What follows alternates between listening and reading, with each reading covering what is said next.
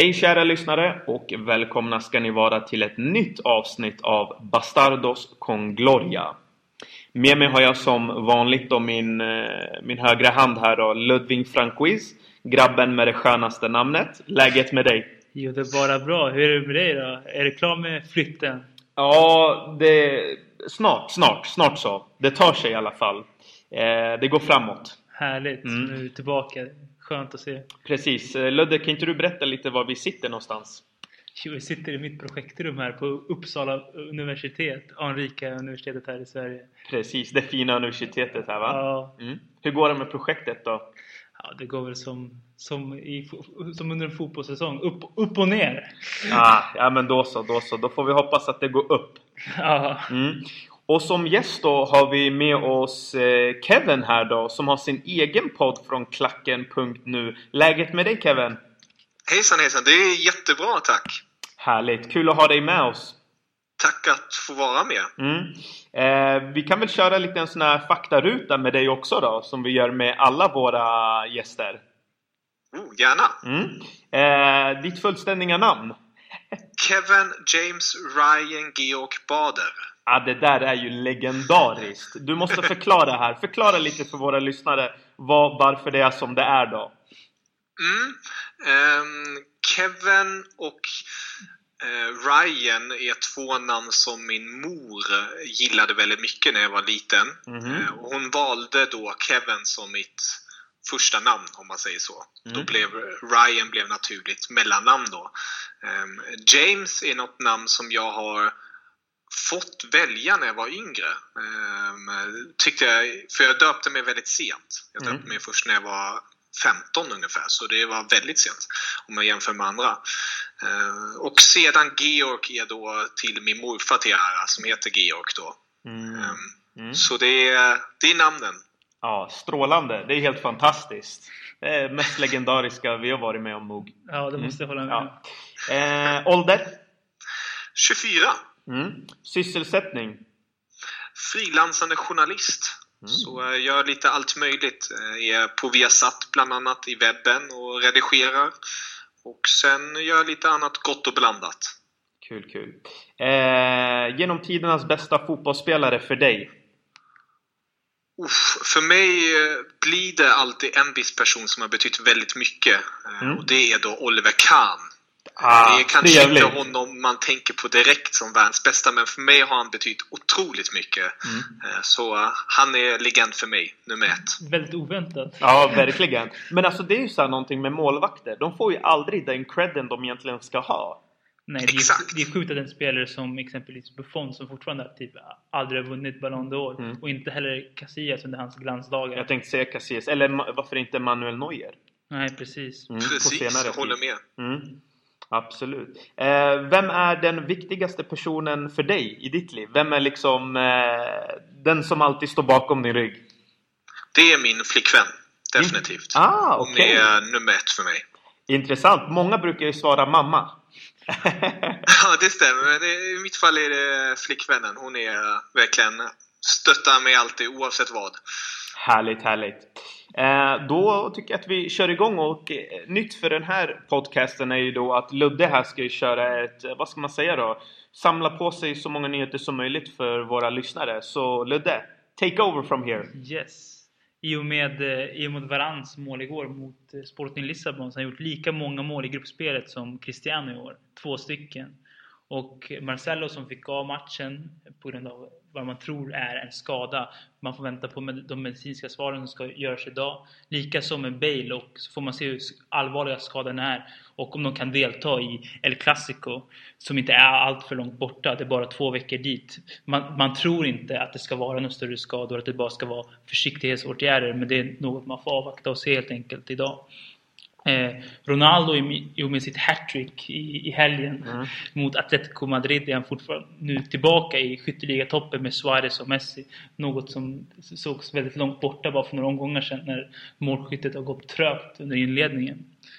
Casemiros återkomst är också väldigt oklar fortfarande. Man har inte egentligen inte hört någonting någon gång om något datum eller någon match. Och det är samma där, man vet inte om han kommer tillbaka mot El Clasico. Mm. Och bara man tänker tillbaka på Clasico i våras så var det han som vann matchen åt oss mm. på mittfältet. Och Isco som har börjat blomstra på nytt nu känns det Precis. De senaste matcherna. Han eh, kommenterade sin kontraktssituation igår efter matchen och sa att båda, han har två år kvar och att båda parter är, är mån om att förlänga det kontraktet och det är ingen brådska med det som att man har ett genuint intresse för varandra. Mm, mm. Absolut. Tack för det nyhetssvepet och, och sist men inte minst att Real i helgen vann sin första match i ligaspelet mot Atletico Madrid efter att ha förlorat fyra stycken och två oavgjorda. Så mm, mm. det är en merit i sig. Precis, precis. Eh, Real, Madrid, Real Madrid som hade också verkligen svårt mot Atletico under Ancelotti.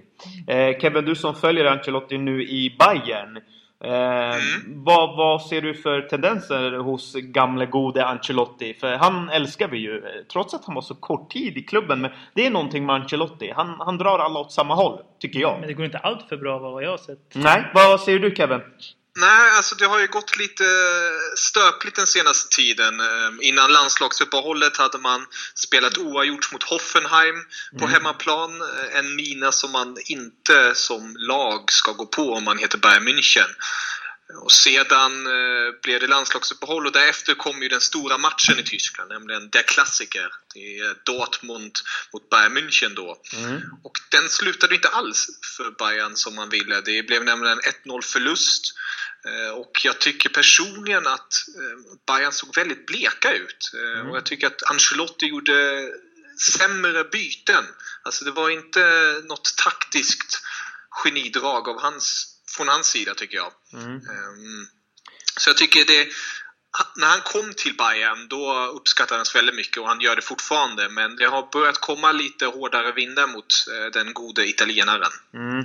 För vi vet ju att Ancelotti hade ju verkligen problem det här med intensitet. Det kändes som att uh, Atletico, alltså Simeones gäng, de, mm. de var ju ja, Duracell-kaniner. Verkligen, de hade rabies. Eh, kändes det samma sak eh, när du såg Dortmund mot eh, Bayern? Att Bayern såg lite ja, tama ut om man säger så?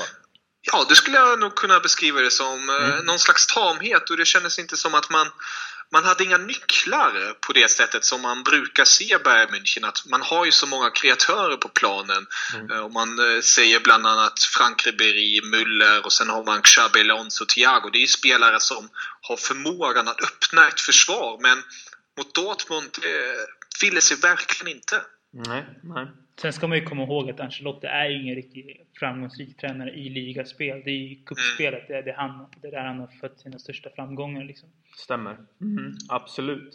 Eh, för att nämna lite om nyhetssvepet där då. Eh, Isco, eh, kontraktläget där då. Eh, Ludde, vad säger du? Tycker du att man ska förlänga kontraktet med Isco? Alltså det beror ju också på vad Isco vill. Alltså, mm. ha Isco som en truppspelare och komma in och leverera som han gjorde i helgen. Ja. Alltså det är ju perfekt för Real Madrid att ha en sån spelare att tillgå. Mm. Men samtidigt för hans bästa vill han alltså, verkligen leda ett lag i Champions League. Mm. Är en av de största klubbarna. Jag tror inte han kommer ha förmågan att göra det i Real Madrid. Tyvärr. Mm. Isco är, har ju nummer 10-rollen. Och den rollen, Kevin, du som följer europeisk fotboll och har ganska mm. bra koll. Jag tycker personligen, jag vet inte vad ni två tycker, men det är att nummer 10-rollen, den är inte som förut. Alltså, vi har absolut Özil, eh, Isco, James. Eh, vad, kan man, vad kan man nämna för fler spelare som, som liksom blommar ut i en 10-roll? Det känns som att den rollen nu, idag, är så att den spelaren måste vara bra på ganska mycket i och med fotbollens utveckling. Vad tycker du Kevin om det? Jag, jag håller fullständigt med dig. Eh, fotbollen är mer och mer komplex nu för tiden och som mm. du påpekar är det man har inte råd nu för tiden att ha en spelare som eh, enbart i detta fall eh, tillför det offensiva så mycket. Och det, då blir just den här rollen som nummer 10 eh, väldigt svår att ha. Mm. Och det, jag tror det är just som du är inne på, det är, det är en trend som går och jag tror i framtiden kommer vi förmodligen inte se sådana typer av eh, rollfördelningar på samma sätt. Mm. Ehm, sorgligt på ett sätt tycker jag. För jag tycker det, det har sin skärm att ha sin nummer 10 där. Eller ha sin gamla sexa som var balansspelare som bara skulle röja undan och städa framför backlinjen. Precis, till och med den rollen. Jag menar om man tittar på den defensiva rollen där då. Till exempel Casemiro, Kante, Matic och de här så vidare. Vi har ju sett att till exempel Chelsea, när det går lite svagt, då har man ju sett att Matic inte har den spetskompetensen offensiv väg. Och Exakt. kanske för några år sedan behövde han inte det. Eh, Ludde, har du någonting att tillägga där? Nej men alltså de flesta Det börjar bli, gå lite mer åt det som Cruyff eftersträvar. Alla spelare ska behärska allting mm, på plan. Mm. Och det är ju så att det räcker ju inte. Alltså en av anledningarna till att Özil inte fick vara kvar i Madrid var att han, han var inte dynamisk nog. Han kunde bara anfalla och slå passningar. Han, han, han, ska, han gjorde inte så många poäng, alltså mål, mm. som han nu gör i Arsenal mm. förvisso. Mm. Men du måste kunna allting. Det är dynamiskt. Du vill åt ett dynamiskt mittfält. Mm. Där ingen är riktigt en defensiv eller offensiv spelare. Det var tre spelare som kan allting egentligen. Precis. Och på tal om Ancelotti. Han har ju sagt att Isco kan eh, man kan göra om honom liksom till en... Ja, att han kan ha en helt annan roll. Och jag känner att det, det skulle vara i klubbens intresse och hans intresse att förlänga kontraktet. Uh, yes, men då går vi vidare här och uh, ska vi prata lite om matchen mot Sporting. Matchen slutade eh, uh, 1-2, säger man väl, när det är bortaplan. och ja, grabbar, vad tyckte ni om spelet? Vem vill börja? Låta gästen börja. Gästen börja. Ja, Kevin, vad såg du av matchen? Ja, jag tycker... Jag tyckte Real Madrid eh, skötte det... Jag vet inte. Jag, jag hade velat se lite mera om man säger så. Mm. Um, det var med det rätt så tidiga målet uh, av uh, Varan blev det, blev det väldigt behagligt. Um, men jag tycker att man skulle jag vet inte hur man ska säga, men mm. på något sätt att det Atletico, äh, Atletico Madrid, Real Madrid eh, som vi såg äh, körde stabilt. De gjorde, de gjorde jobbet. Eh, bjöd in Dot Sporting, man borde ha avgjorts tidigare tycker jag. Mm. Och med det sena målet som Benzema gör tycker jag visar bara på att man har en riktigt stark bredd och speciellt en vinnarmentalitet just nu i laget som kan verkligen gynna dem i långa sträckan. Mm, absolut. Eh, det där är intressant när man pratar om spel kontra inställning och mentalitet. För vi vet ju att Zidane har varit inne mer på det här med inställning och, och, och så. Det är ju lite mindre kanske fokus på spelet. Såklart att han har det, men eh, Ludde, vad såg du av matchen? Alltså jag tycker lite samma som alltså Kevin. Alltså den här säsongen, det som har alltså verkligen varit Real Madrids melodi, det är att man är verkligen jättefantastiska framåt eller mm. jättefantastiska bakåt. Mm. Man är mellanmjölk. Vilket är ganska ovanligt för att vara Real Madrid. För Real Madrid är alltid jättebra på någonting eller, och jättedåliga på, på, något, på något annat. Mm. Men det som mest fascinerar mig, det är det som Kevin säger. Att bredden i truppen och att Real Madrid verkligen har initierat i alla spelare att vi kan verkligen vinna till sista minuten. Vi, vi vinner på något sätt till slut. Alla verkar tro på det verkligen. Mm. Precis, för det var det som imponerade på, på mig ju. Det är att alla står bakom konceptet. Och det är ju väldigt viktigt. Eh, för man ser till exempel spelare som Bale och Ronaldo slet enormt i försvarsspelet och verkligen försökte verkligen hålla ihop laget och eh, inställningen var det inget, inget fel på men man hade väl önskat mer av spelet. Så, så kan man ju definitivt säga. Eh, de här sista minutvinsterna som Real haft lite innan Atletico-matchen. Eh, det är ju ganska farligt att hamna där på ett sätt. Mm. Sen har Real Madrid problem med att föra spelet. Det, mm. det har vi sett under säsongen. Så Zidane föredrar när, när, när, han själv får backa hem lite och kontrollera matchen och sen mm. kunna ställa om. För att omställningarna som vi såg mot Atletico, där har Real Madrid bland de bästa spelarna för att kunna ställa om snabbt. Precis. Eh, Kevin, eh, du som följer europeisk fotboll här nu då, nu tar jag upp det igen då, men och, om du jämför lite med, med olika tränare, vad anser du är ett viktigt drag hos en, hos en tränare? Vad, vad kan du se i Zidane som, som, som du gillar eller som du önskar att det kan utvecklas? Eh, det som jag ser i Zidane eh, och man ser någon tendens av nu i moderna fotbollen är ju, han var ju en magiker på sin tid och en mittfältsherre. Mm. Något man märker av eh, just går väldigt mycket just nu. Om man tänker då på Pep Guardiola eller Diego Simeone som också var mittfältare. Mm. Och man ser ju att de de har tänket, de har blicken, de vet hur spelet ska spelas. Mm. Eh, och jag tycker Zidane visar på enorm potential. Eh, framförallt också, han har ju sån himla aura. Alltså, jag har ju tyvärr inte träffat honom personligen. Nej. Men jag kan bara tänka mig det som många har berättat, att när han stiger in i ett rum, Mm. då håller man andan och väntar tills han talar. Stämmer. Ehm, Och det, det är någonting, just med den personligheten, karaktären och hans erfarenhet, Mm. tror jag att han, han kan verkligen bli så bra som, som bara den. Ehm, det som jag dock vill se förbättra är just att han hans spelidé, att den slipas på lite mer. Ehm, nu har han ju ett enormt starkt lag att rotera på och eh, ja, justera på. Så det är ju lite gynnsamt om man säger så, att ha en Ronaldo, att ha en Bale och sen har man klassspelare som Varane i backlinjen och eh, Sergio Ramos. Och det, man kan ju säga ibland att det, det, det kan vara för enkelt, men det är ju självklart inte enkelt att hantera sådana storspelare. Men att han Nej. kanske implementerar en starkare spelidé. Mm. Kanske stabilare försvarsspel och bygger upp någon slags spelidé framåt på ett annat sätt än bara att eh, storspelarna gör sin grej, om man säger så.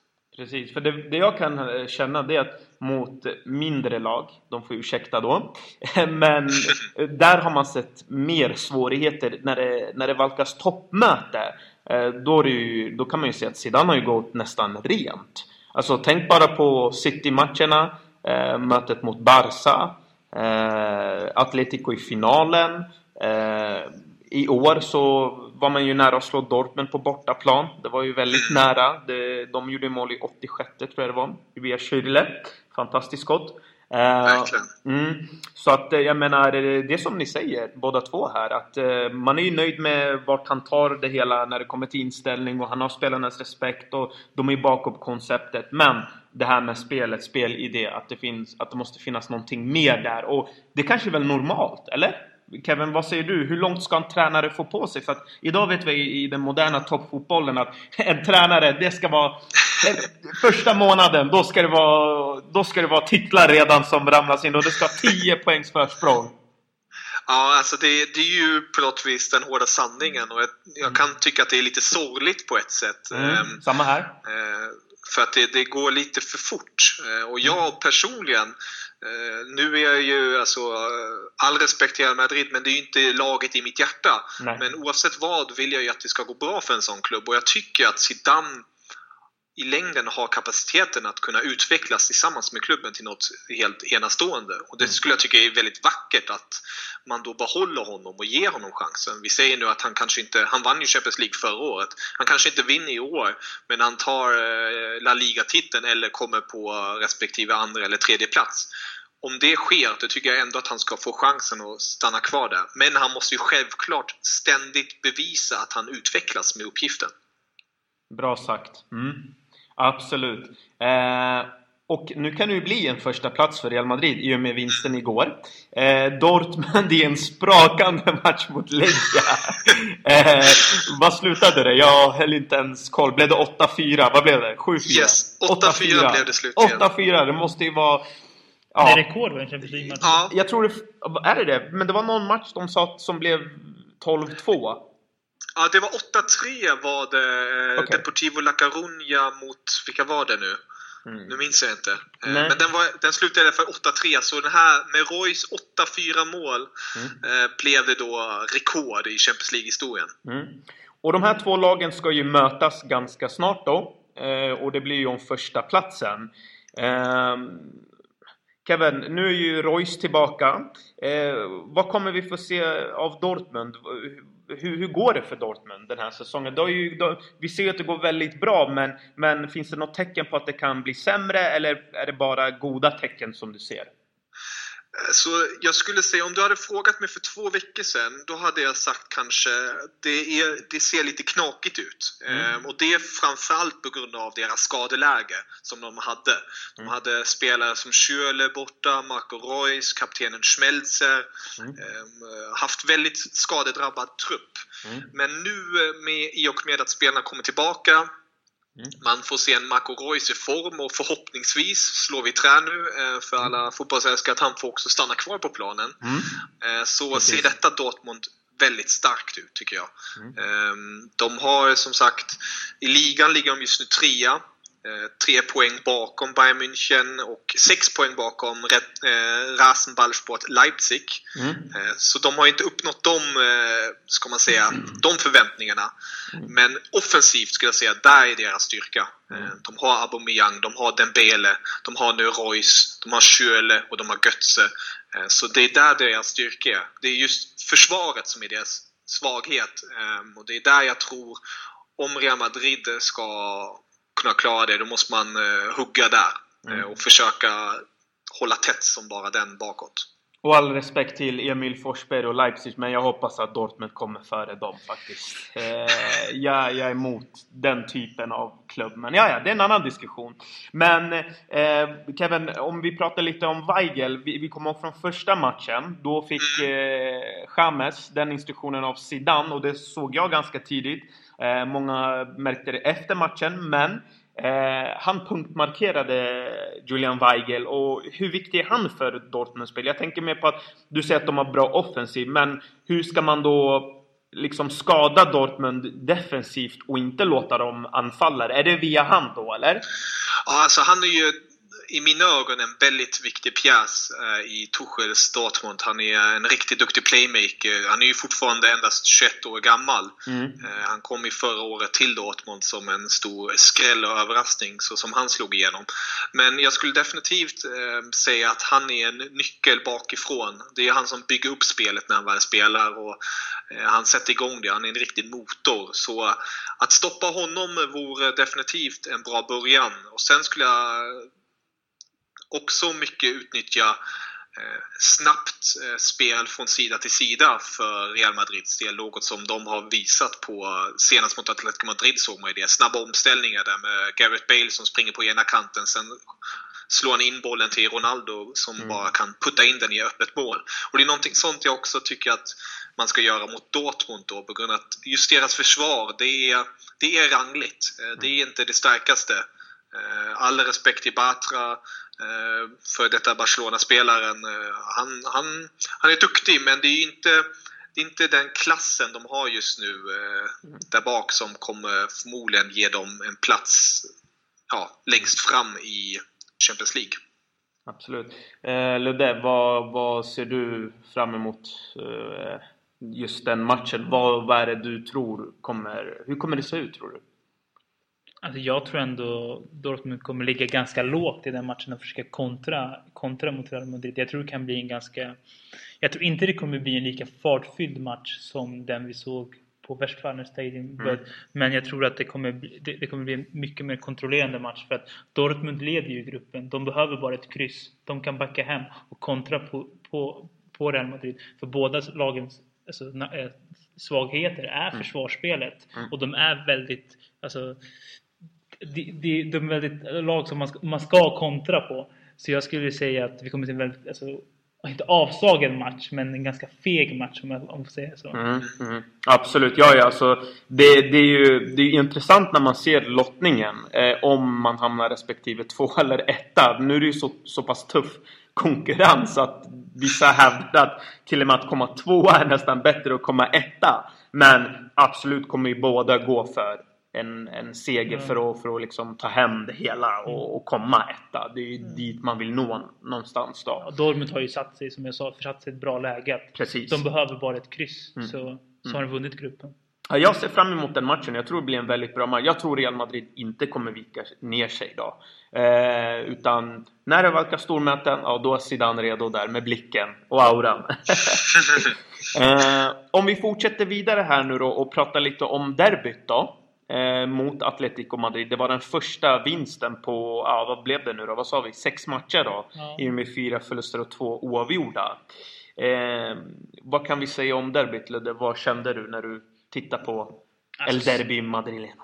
Zidane alltså, bjöd ju, alltså, gav ju Alltså, de, han gjorde ju samma medicin som Atletico har mm. gjort på Real i två, tre års tid nu. Mm. Alltså, han, han lät Atletico föra, föra spelet, vilket de i och för sig är relativt bra på men inte så bra på än. Det är någonting Simeone ständigt försöker utveckla. Mm. Och uh, man, man låg lågt och sen kontra när man, när man, när, när man hade tillfälle. Liksom. Det var ingen, inget som man försökte ta tag i stafettpinnen som man exempelvis försökte göra under, under Ancelotti. Och som man försökte göra på mötet på Bernabéu, en av de få matcherna som som sedan har förlorat under sin relativt korta tränarkarriär. Precis. Så det var det som imponerade. Att han, han körde samma taktik som de brukar göra väldigt lyckosamt. Precis. Eh, Kevin, du som såg eh, derbyt också antar jag. Eh, yes. Vad tyckte du om matchen? Hur, hur såg det ut för dig? Jag tycker, som ni redan var inne på, jag tycker det var väldigt imponerande av just Zidane hur han ställde upp laget. Att han körde med Ronaldo ensam där uppe och verkligen täppte igen det och lät Atletico Madrid på något vis föra spelet. Mm. Um, och det tycker jag är imponerande nu med tanke på också den truppen. Man har ju flera spelare skadade. Man spelade bland annat med Sergio Ramos, man hade ingen Toni Kroos, uh, man hade ingen Casemiro. Alltså det är ju spelare som håller toppnivå som inte var där. Precis. Trots det vinner man med 3-0 på ett väldigt starkt sätt tycker jag. Mm. Absolut. Det, jag håller med er båda två. Det var ju fantastiskt att se att eh, Simeones grabbar, de fick ha boll och det passar inte dem och, mm. och man kontrade ganska smart på dem. Men framförallt att han gav Isco en helt fri roll på mittfältet, vilket mm. gjorde det svårt för Atleticos annars ganska stabila mittfält att hålla kontroll på mm. de respektive spelarna. Man sa ju inför matchen, jag ska göra, eh, Simeone sa att han ska göra allting för att stoppa Modric. För att Real Madrids spel flyter genom Modric. Men Stämmer. då ställer han istället in Isco där i ytan mellan backlinjen och mittfält hos Atletico. Mm. Och det skapade enorm oreda. Och sen Kocke fått en position centralt på mittfältet i Atletico. Så de släppte in, släpp, redan släppt in alltså, mer mål än förra säsongen i mm. princip. Mm. Mm. Ja, det, det, tycker jag också att när man såg på Gabi och Kocke, det var två frustrerade herrar. Eh, båda var med i, i, i grubbel och tjafs. Okej, det kanske inte är ovanligt men de, de såg i alla fall inte 100% Alltså Gabi gick ut ja, eh, innan matchen och mm. sa, som han fick skäll också sen av Simeone, att, att laget har blivit sårbarare sen Kocke spelar på mittfältet. Mm. Mm. Och, och, det såg vi också. Det är ett Precis. fragilare lag helt mm. enkelt. Mm. absolut. Eh, om vi tittar på uppställningen här nu då som Zidane körde med. Eh, med Ronaldo och Bale på toppen. Eh, de här två matcherna nu mot Sporting och Atletico, Kevin. Eh, känner du... Real Madrid kör ju oftast 4-3-3 då. Nu har man spelat lite annorlunda med Ronaldo och Bale på, på topp. Tycker du att det är en uppställning som Zidane kan fortsätta med eller ska han gå tillbaka till det normala när Kroos och Casemiro är tillbaka? Jag tycker man kan definitivt fortsätta, fortsätta med det här när man möter kanske starkare motstånd och så. Mm. För jag tycker det var väldigt passande. Men när spelare som Kroos och Casemiro är tillbaka, då tycker jag att man ska utnyttja deras eh, styrke så väl. Eh, det, det kan ju självklart kanske funka i den här uppställningen också. Jag är lite, lite tveksam. Mm. Men det är, jag tycker det är viktigt att det finns alternativ. Mm. Att man kan ändra matchplan och att Zidane har vågat nu se till vad han har till förfogan. Göra det som han tror kan funka. Det funkar den här gången. Och sen ta med sig det till fortsättningen och säga okej, okay, då vet jag att det här finns. Och sen kan han bygga på sin lilla portfölj där med olika spelidéer med sitt kära Real. Precis, eh, jag känner lite samma sak. Alltså, det, det funkade mot Sporting och Atletico trots vad folk tror om Sporting att det var Gais man spelade mot, vilket det inte var. All respekt till Gais. Eh, och eh, det, det, var, det är ett tufft lag att möta på bortaplan. Sporting har en väldigt bra trupp också. Man har ju eh, Bas Gelson Martins, Adrian Silva, William Carvalho. Det finns en hel del där att hämta. Så att, eh, det, det, var inte en lätt match. Så att, eh, som ni säger, eller som du sa Kevin, då, det, den uppställningen funkar Och det som var kul att se, det är att Isco får ju den här rollen han alltid strävat efter. Han har ju själv sagt att han trivs ju mycket bättre i en sån här roll. Men vilken roll han än ges så vill han ju såklart få speltid och han vill ju kunna anpassa sig. Och det är det man får hoppas för att som du säger Kevin, när Casemiro är tillbaka, när Kroos är tillbaka, då, då är det ju 4-3-3 som som det, det, det gäller liksom. Eh, det har ju visat sig vara framgångsrikt. Vad tycker du Ludde om den här uppställningen och diskussionen? Alltså det, det jag också tycker är väldigt smart, det är att ha Ronaldo på topp. Alltså det, mm. Många lag utnyttjar ju Ronaldos tafatta försvarsspel mm. genom att anfalla på den kanten. Eftersom mm. att den ytterbacken spelar bakom Ronaldo Precis. oftast blir helt ensam. Och genom att ha eh, Kovacic, Modric, Lucas Vasquez och sen Isco som jobbar väldigt defensivt. Då kan man släppa Bale och Ronaldo löst där fram. De kan bara fokusera på att göra, se av med energi när man ska anfalla. Precis. Mm, absolut. Intressant. Vi får se hur Zidane fortsätter då helt enkelt. Men jag tror inte att han vill bänka till exempel Benzema. Eh, det, är en, det, är någon slags, det finns någon slags kemi där va? Ja, mellan Benzema och Perez också. Jaha, det, det, det är en väldigt stor kemi. Har man en kemi till presidenten, då är det kört. Då, då, då har man det. Då har man det. Benzema har hela kedjan säkert. Liksom. Precis, precis. Eh, vi ska prata om en spelare som eh, inte riktigt har fått chansen och eh, som inte har passat in och det är ju James Rodriguez. Eh, många tycker att han blir dåligt behandlad av Zidane. Eh, och någonstans känner jag att det är lite eh, vad ska man säga, det finns ju två sidor av myntet. Eh, Chamez har varit med i vissa kontroversiella nyheter med fortkörningen och jag vet inte festerna vid sidan av plan och, och sen har man sett också att det här med att ja, Zidane ska vara någon mysfarbror som inte kan peta folk. Jo, det kan han. Eh, och sen har vi den här diskussionen att men Chamez är ju en fantastisk fotbollsspelare. Vi, vi såg det under Ancelotti. Vi har även sett det den här säsongen när han fått chansen. Ludde, hur kommer det sig att att han inte får spela? Vad, vad, vad har hänt? Vad händer? Alltså först måste jag säga, första uttalandet säger att ja. något som verkligen har varit Zidans grej, det är att våga ge alla chanser. Mm. Oavsett vem det är. Alltså, mm.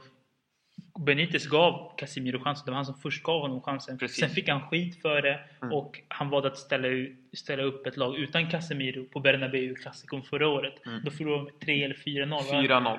Precis. Man for, fortsatte med att ha, äh, ställa utanför Casemiro. Mm. Och, och, samma sak med Vasquez som han gav några chanser i början. Men det var ju verkligen Zidane som tog på sig ansvaret och gav, verkligen gav Canteranos chansen. Mm.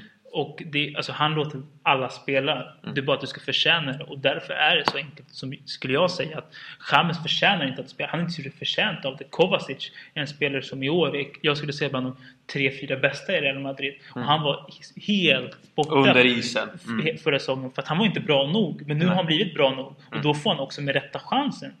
Så att det... För att i den rollen som Isco spelade de matcherna, det är ju James. Alltså, det är hans bästa position. Mm. Men han var fortfarande inte chansen. Så han levererar helt enkelt in, inte. Och sen så tycker jag att han omges av människor som lägger upp saker på Twitter om att han blir bänkad och sågar Zidane. Och det är inte heller bra alltså, att, att ha sådana människor runt, runt, runt omkring sig. Det är bättre att vara tyst och snacka på träningsplanen. Precis, och det var till exempel som den här Asprilla, eh, någon colombiansk legend, säger att Cristiano Ronaldo har en dålig inverkan på James det är också en sån här grej, jag menar det är väl den inverkan man vill ha. Om man vill ha någon inverkan, då är det ju av en sån fotbollsspelare. Sen, sen, är det också att Asperilla är inte bästa exemplet. Det bästa exemplet är att exempelvis hans föräldrar går ut och sågar Zidane. Det, mm. det är inte så smart. Alltså, det, det, ska inte vara så. För att det blir inte så att de talar via James. Och så ska det inte vara. Nej. Kevin, du vet ju om att Tuchel bänkade Aubameyang från ingenstans. Eh, hur viktigt är det att en tränare sätter ner foten och det här med James-frågan då, att, att han har lite vissa sidor som, som, ja, det är lite fest över det hela och inte så mycket kanske fotboll ibland. Men det är ju en fantastisk fotbollsspelare också. Han verkar ju vara en känslig person. De här de här oftast kreativa människorna och stora fotboll, de är ju också känsliga. När de inte får spela, då blir det lite mer utanför planen, lite mer av det goda eh, som det inte ska vara. Vad säger du Kevin om det här?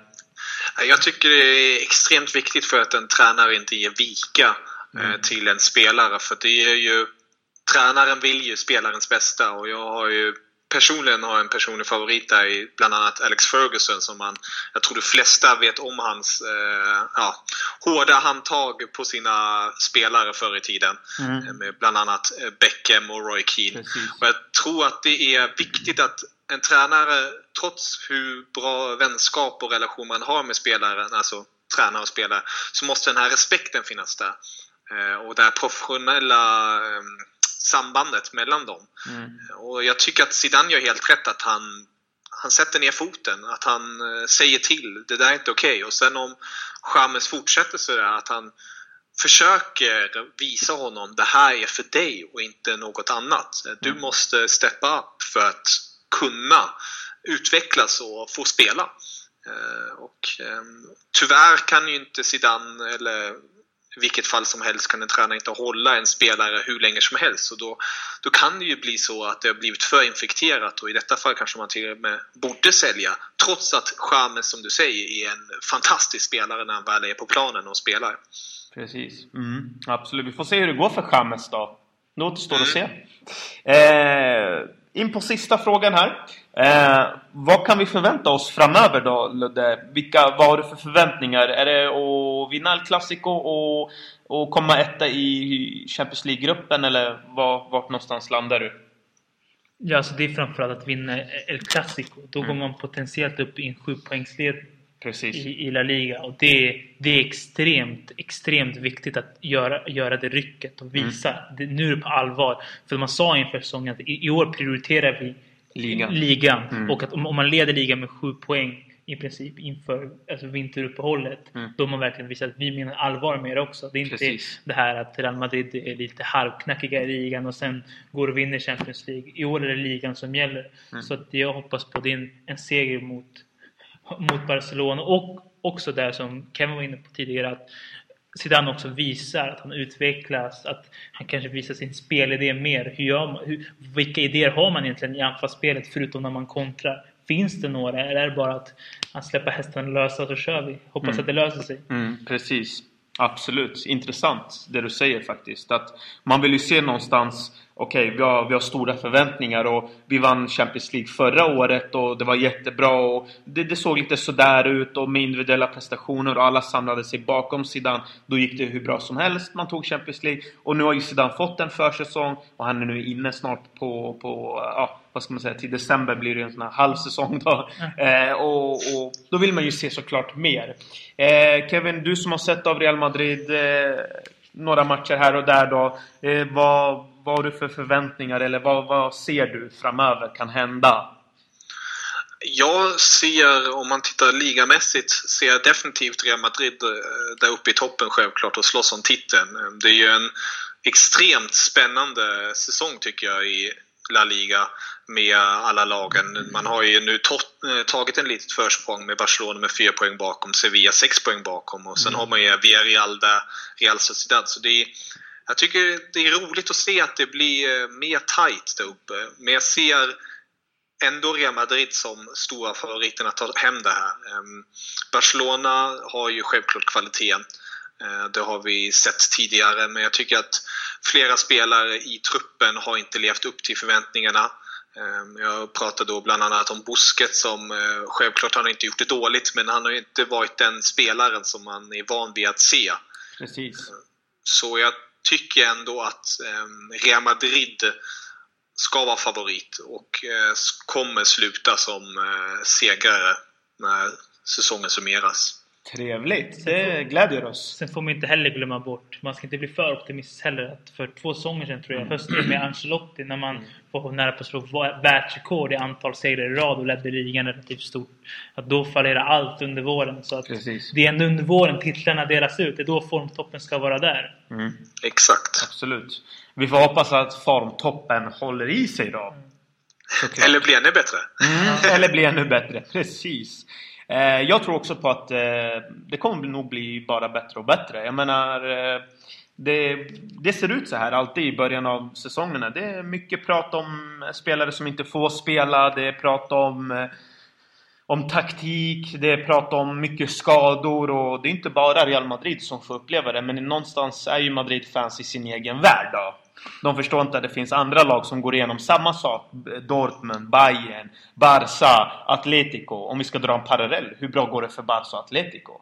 Det har inte sett alls bra ut där på något, på något plan skulle jag säga. Eh, liten jämförelse bara där, helt mm. enkelt.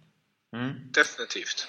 Men eh, då får vi tacka alla som kommer lyssna på det här avsnittet och som lyssnar på det här avsnittet. Och eh, tacka Kevin också som var med och eh, vi kommer säkerligen se dig igen här på podden. Definitivt. Jättegärna, det är bara att höra av dig. Absolut, absolut. Det kommer jag göra, det vet du. och glöm inte att ni kan lyssna på podden via iTunes och ni finner oss på Twitter om det är någonting ni vill tillägga till oss helt enkelt. Ja, då får jag tacka för mig och eh, ha det så bra. Adios! Auf Wiedersehen!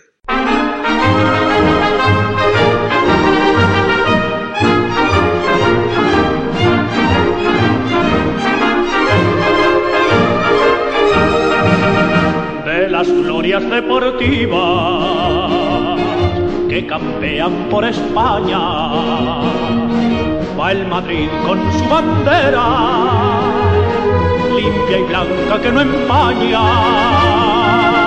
Club castizo y generoso, todo nervio y corazón Veteranos y noveles, veteranos y noveles miran siempre sus laureles con respeto y emoción.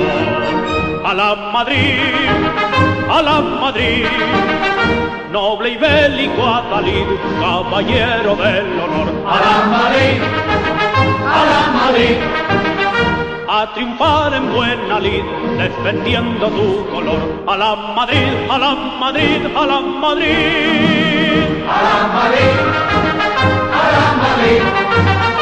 Noble y bélico Atalid, caballero del honor. A la Madrid.